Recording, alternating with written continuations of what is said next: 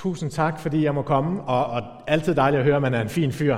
Jeg, jeg håber, der er mere til grobund for, at, at jeg har fået lov til at komme i dag. Nu kender jeg dig, Christoffer, man får ikke lov til at komme her, hvis man kun er en fin fyr. Så, så må ikke også, øh, vi, øh, vi, øh, vi ligner lidt hinanden på mange måder, tænker jeg.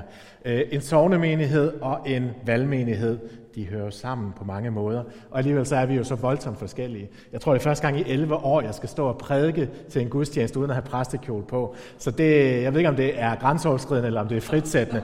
Det, det finder vi ud af undervejs. Og så har du sådan lige sagt det på gangen, at øh, hvis I kan lære lidt om ryslinger at kende, det skal vi ikke bruge ret meget tid på. Men ryslinger, hvis man spørger en fynbo, så vil jeg jo sige, hvis jeg snakker med en fynbo, så ligger det nede ved Ringe. Ryslinge, hvis man spørger eller snakker med en jyde, så ligger det på, tæt på Odense, plejer jeg at sige. Snakker man med en sjællander, så vil jeg sige, at det ligger på Fyn. Så, så må I selv finde ud af, om I kan finde ud af, hvor det er henne af. Men til gengæld, så vil jeg jo godt byde ind på den vision, som I har her i valgmenigheden. Det her om, at hele Fyn må komme til tro på Jesus. Og jeg kan glæde jer med, at et eller andet sted er vi rigtig godt i gang med det på Midtfyn. Ryslinge kalder vi jo for det himmelske, eller vrøvl for det øh, fynske Jerusalem. Vi er simpelthen fire menigheder i en by på 2.000 indbyggere. Vi har frimenigheder, vi har valgmenighed, og vi har sovnemenighed, og vi har også den apostolske kirke i byen, ud over Luthersk Missionshus også. Så vi er rigtig godt i gang, synes jeg, på mange forskellige måder. Og jeg har fået lov til at, øh, at vælge øh, teksterne til i dag. Det er jeg super glad for. Og som den sovnpræst jeg er, jamen, så har jeg lænt mig op af tekstrækkerne.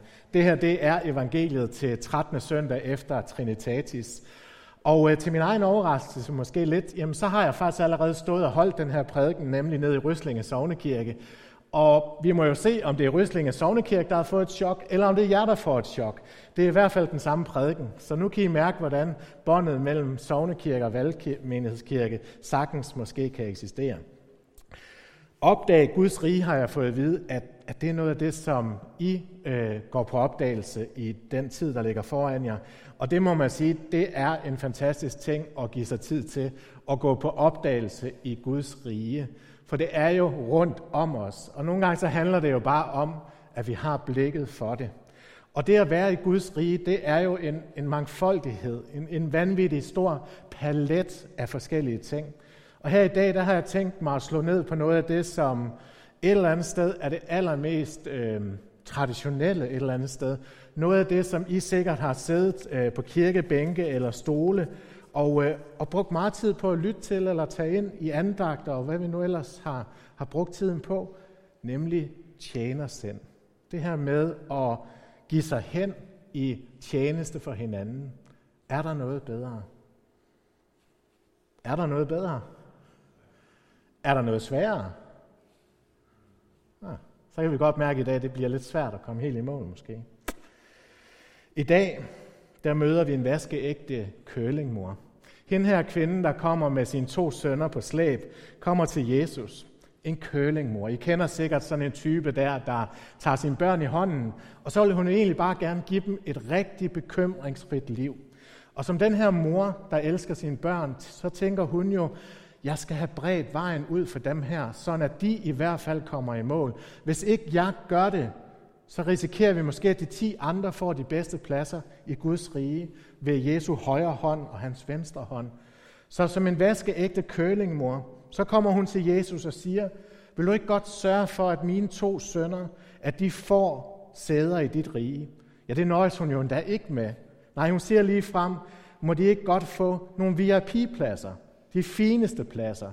Den ene ved din højre side, og den anden ved din venstre side. Bare det, intet mindre. Og jeg tænker, at de her to Zebedeus sønner, de har siddet sådan her. Det er altså lidt pinligt, det her mor. Og så alligevel, så har de jo siddet og kigget sådan lidt ud mellem fingrene, har de ikke? For tænk nu, hvis det var, at Jesus lige sagde ja til hendes forespørgsel. Det var lidt pinligt på samme tid, og alligevel kunne det jo være, at Jesus han vil sige ja. Tænk nu, hvis deres mor kunne arrangere sådan en fin plads i Jesu rige med dem. Men Jesus han glider af på det, og så siger han, det der, det er ikke mit bord. Det er faktisk ikke mine stole. De der pladser, som I snakker om, dem sørger Gud for at dele ud, når man tænker, at de skal deles ud. Det har jeg faktisk ikke noget med at gøre i første omgang. Jeg har fået noget andet at gøre, siger Jesus. Og det læser vi så nogle linjer senere, hvor han siger, for jeg er kommet som menneskesønnen, ikke for at lade sig tjene, men for selv at tjene og give sit liv som løsesum for mange. Til at begynde med, så glider han lidt af på den her kære bjørnemors curlingforsøg. Men det gør de ti andre disciple så sandelig ikke. Nej, nu skal de her to brødre ned med nakken for at have sådan en curlingmor. Men da Jesus han ser det her skænderi være under optræk, så står der, at han kaldte dem til sig. Og så er det, han siger de her ord. I ved jo godt, hvordan den her verden altid er. Fyrster og stormænd undertrykker deres folk, og de misbruger deres folk, og dermed misbruger de deres magt. Sådan skal det ikke være iblandt jer. Ligesom jeg er kommet for at tjene, skal også I tjene. Den, der vil være stor iblandt jer, skal være de andres tjener. Og den vinkel på Guds rige havde de åbenbart ikke set komme, de her disciple, før Jesus han fik dem til at se det. Hvor var det godt, at Jesus kaldte dem til sig. Ellers så havde man aldrig nogensinde kommet dertil, hvor man dog kunne få den tanke, at det var det, Guds rige handlede om også. For i Guds rige, der handler det ikke om at kæmpe om de gode pladser. Dem har vi simpelthen allerede fået, når vi hører Jesus til. Længere er den ikke. Og vi er faktisk heller ikke kaldet ind i Guds rige, for bare at få de her gode himmelske sædepladser og se frem til en dag. Dem har vi allerede fået. Tag ikke fejl. Dem har Jesus skaffet os. Derfor så vil Jesus også gerne, at vi her i det her liv skal have et lidt andet perspektiv. Hvis vi allerede tænker, hvilken plads vi skal have op i himlen, og vi tænker, at vi skal rende rundt og kæmpe for at få dem med albuer eller kølingmødre, ja, så mister vi nemt blikket for den plads, vi har fået her på jorden. Sådan er det. Vi kan også komme til at se så meget op, at vi glemmer at se ud til siderne. Der er også en, der har sagt det på en lidt anden måde, med en lidt mere vinkling på det her med de gode gerninger. Vi frelses ikke af gode gerninger, men vi frelses til gode gerninger. Det er forskellen på at tro, at vi skal kæmpe om de gode pladser i himlen, og så til også at se, at vi har fået en plads her på jorden, givet til at tjene i Guds rige. Vi frelses ikke af gode gerninger, det er det gode evangelium. Nej, vi frelses til at gøre gode gerninger. Til ikke længere at skulle fortjene, men til nu frit at tjene. Hvor er det egentlig frit sættende, er det ikke? Hvor er det dejligt at vide, at vi ikke længere skal krampe rundt som vilde og kæmpe for at fortjene, men at vi bare frit kan tjene. Det er så enkelt. Kristendommen er enkel. Kristentroen er enkel. Det burde være naturligt for os så mange gange, som vi sikkert har hørt det gennem årene. Eller hvis det er første gang, du sidder her og hører det i dag, det virker da så enkelt. Gud er kærlighed. Guds lov er kærlighed. Den kærlighed, der ikke søger sit eget, men giver sig hen i et liv for alt andet end sig selv. Den kærlighed, der vil tjene. Det er så enkelt. Det er så rigtigt. Og vi har hørt det så tit. Og alligevel så er der noget dybt i os, som jo har det bedst med at gribe livet an med hinanden, som vi kender det fra den her verden, som den ofte er. Der skal kæmpes med albuerne for at få en plads, særligt de eftertragtede pladser. Og derfor så står der også, da Jesus han så det her skænderi under optræk blandt sine disciple, så kalder Jesus dem til sig, og så siger han, sådan skal det altså ikke være iblandt jer. Jesus han kalder dem til sig. Vi tager faktisk aldrig i kirke, tænker jeg. Det gør vi ikke. I er heller ikke taget i kirke i dag. Tænker I, det er I nok? Men nej, vi bliver faktisk kaldt til kirke af Jesus selv, for at få kvalitetstid sammen med ham og hans ord. Her ønsker han igennem sin helligånd at forme os med den kærlighed, som kan forandre den måde, vi ser livet på. Den kærlighed, der på korset har tjent os, og til stadighed tjener os. Og for Jesus, der handler det jo ikke kun om, at vi makker ret, at vi kan se, at han er ret. Nej, det handler for ham også om, at han gerne vil have, at vi skal opdage den rigdom, den velsignelse, den fred og den glæde, der ligger i at være både et barn og en tjener i hans rige. Han ønsker ikke, at vi skal tjene ham, fordi han siger det. Han ønsker, at vi skal tjene ham, fordi det er det, vi gerne vil. Og det er bare hammerne irriterende. Gang på gang. Og måtte sidde og tænke, Nå ja, det er jo rigtigt, det Jesus siger. Og hvorfor er det så lige, at jeg igen og igen sådan får sat mig selv og mine egne behov i første række, og glemmer min næstes behov? Hvorfor er det, at det spejl, jeg ser ind i om morgenen, altid er mere dragende at se ind i, end mit medmenneskes øjne? Hvorfor er det, jeg tror, at ægte frihed, det er at være fri fra alt og alle, når jeg da godt ved, og Jesus siger det hele tiden, ægte frihed består ikke i at være fri fra alt og alle, men at være bundet til den rigtige, nemlig Jesus selv. Og derigennem mit medmenneske. Hvordan i alverden skal vi dog komme i nærheden af at tjene hinanden helt naturligt, som Jesus han taler om det i dag? Der er så meget i mig, der gerne vil have lidt status. Der er så meget i mig, der gerne vil have de her gode likes fra andre. Og det tager tid. Tænk på jeres eget liv. Hvor meget tid bruger vi ikke på lige at få styr på vores egen status? Og når overskuddet så er på plads der på den konto, så begynder vi at tjene de andre. Hvordan i alverden skal vi dog komme i nærheden af at tjene hinanden, som Jesus han ønsker det for os? Ja, som Jesus ønsker det for os, ikke af os. Der er en himmel til forskel. Jeg tænker, det er enkelt. Det budskab. Og samtidig så er det så vanvittigt svært, som vi startede med lige at lægge mærke til. What to do? Jo, måske skal vi egentlig gøre noget rigtig gammeldags. Og nu er jeg sovnepræst, så må jeg godt tillade mig at være gammeldags i min forkyndelse, tænker jeg. Der er jo ikke noget galt med gammeldags. Spørg bare den gammeldags isvaffel, eller den gode gammeldags æbleskiv, eller de gode gamle dage. Der er tonsvis af godt gemt i det gamle dags. Så det, jeg vil trække frem her i dag, det kan godt opleves gammeldags. Måske ikke så meget for mange af jer, der sidder herinde, men for den kristne kirke ud over hele verden kan, og her i Danmark særligt, kan det her faktisk godt virke rigtig gammeldags. Fordi der er så meget power i den her verden, som forsøger at trække os væk fra det, som jeg nu vil snakke om. Se glæden ved at tjene. Den kan faktisk udspringe af erfaringen af at være en sønder. Da jeg gik i 4., 5., 6. klasse, der skulle vi have idrætstime. Og øh, da holdene blev delt ind, så så jeg til min skræk, at jeg var kommet ned og skulle spille i forsvaret. Og jeg havde at spille i forsvaret. Og hvem gør ikke det? Hvis der er nogle forsvarsspillere herinde, så beklager jeg. Jeg ved godt, det også er et kald på en eller anden måde på en fodboldbane. Men for langt de fleste af os, så vil vi jo gerne op foran. Vi vil gerne op og være dem, der får bolden og får lov til at lave assisten eller score målet. Vi vil gerne være dem, der får lov til at række hænderne ud, og alle kommer og jubler. Tak, fordi du har vundet kampen for os. Jeg blev sat i forsvaret. Jeg skulle ned og tjene. Jeg skulle derned, hvor jeg sådan skulle sørge for at dække af, og så smide bolden op til midtbanen, og så skulle de gøre resten. Jeg skulle bare sørge for at stå der som boldværket, nede bagved. Jeg havde absolut ikke tænkt mig at tjene.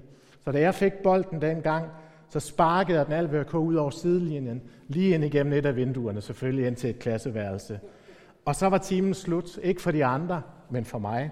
Læreren han tog mig af banen og sagde, så må du sidde der, indtil timen den er slut. Og der måtte jeg jo sidde, indtil timen var slut, troede jeg.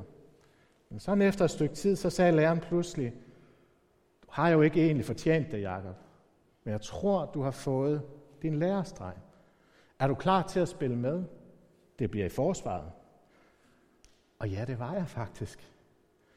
Nu skal I prøve at stille jer i den situation, for hvad var det, der var sket? Jo, før der var alt tabt, fordi jeg skulle ned og tjene i forsvaret. Men nu var alt lige pludselig vundet, fordi jeg ufortjent fik lov til at komme på banen igen. Kan I se, hvor jeg vil hen af? Hvordan skal vi se på det med at tjene hinanden? Er det noget, vi skal, fordi det får vi da lige at vide, at det skal vi også. Her, hvor vi jo egentlig har mest lyst til at blive tjent og sidde øverst ved bordet. Og hvem tjener egentlig lige mig? Hvis jeg render rundt og tjener alle andre? Ser vi det som et tab at tjene? Eller ser vi det som en fantastisk nåde at få lov til det, fordi alt var tabt, og nu er alt vundet? Ser vi, at Gud har kaldt os ud af mørket og ind i sit lys? At vi er en sønder, som egentlig ikke har fortjent noget som helst, men som nu i Guds rige pludselig har fået lov til at blive kaldt på og har fået en plads på det hold, som den tjener, hvor Gud han nu lige præcis kan bruge dig. Ser du på det at tjene som et tab, eller som noget, du nu har vundet? Jeg håber, I ser det sidste. Det er et ret fantastisk sted at stå som sønder i Guds rige.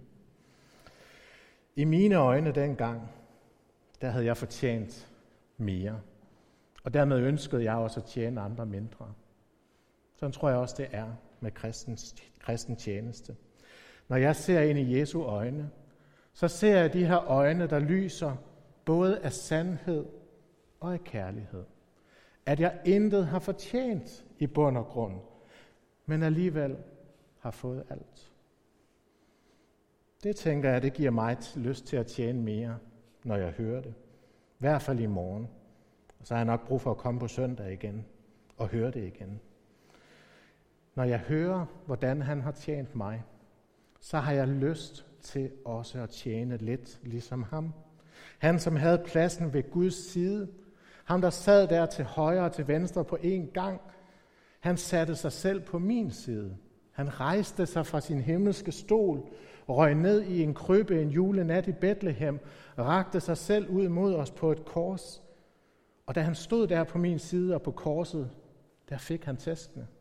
Sådan han til sidst måtte sige, min Gud, min Gud, hvorfor har du forladt mig? Jesus døde på korset.